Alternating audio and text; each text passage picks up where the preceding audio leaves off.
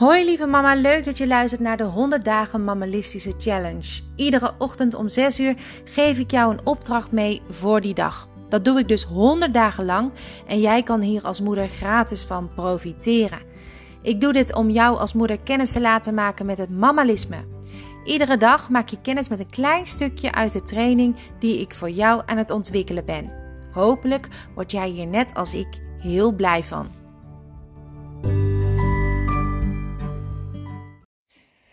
Hey, deze week uh, die, uh, die eraan komt, die is natuurlijk weer vol met nieuwe feiten, nieuwe gebeurtenissen. En daar kan je je soms echt in verliezen.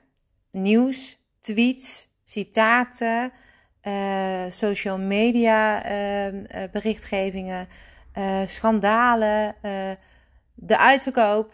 We zijn eigenlijk een soort van nieuwsjunkies. En we willen altijd overal van op de hoogte zijn. En het is eigenlijk heel fijn als je dat een weekje niet kan of niet hoeft te doen. Je kunt dat een hele week doen, maar je kunt het ook gewoon een dag doen. Gewoon één dag niet in het nieuws kijken. Even één dag niet al die nieuwtjes op je in laten werken.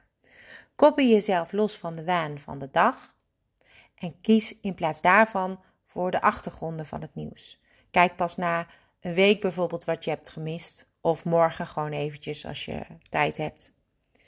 En kijk dan ook alleen maar naar wat je werkelijk wilt weten, in plaats van wat je over je heen krijgt gestort als je het vandaag allemaal maar laat komen.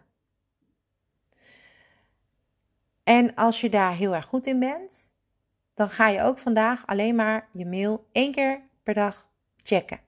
Dus één keer check je het. En doe dat dan op een tijdstip waarvan je dag denkt: hé, hey, dat is handig. Oké, dat laatste is natuurlijk echt voor de vergevorderden en voor de mensen die ehm, al heel veel te doen hebben vandaag. En denken, ja, dan komt er straks weer een mailtje binnen. Dan moet ik weer een berg werk doen. Dat kan. Uh, maar het is eigenlijk helemaal niet gek om dat een keer, een dag niet te doen. Je kunt daar ook iets voor instellen als je het echt heel erg moeilijk vindt om te doen. Je hoeft het ook niet te doen, want het is helemaal niet de opdracht van vandaag. Maar je kan het wel doen. Door, uh, daar maak je, maak je rust mee. En dan focus je jezelf op deze dag. Dus de opdracht is eigenlijk alleen maar het nieuws niet kijken en niet meekrijgen en proberen zoveel mogelijk uh, je daarvan uh, af te houden. Eén dag. En ben je verder dan dat en kan je dat heel gemakkelijk, kijk dan maar één keer ook op je mail. Nou, dat was hem. Tot morgen.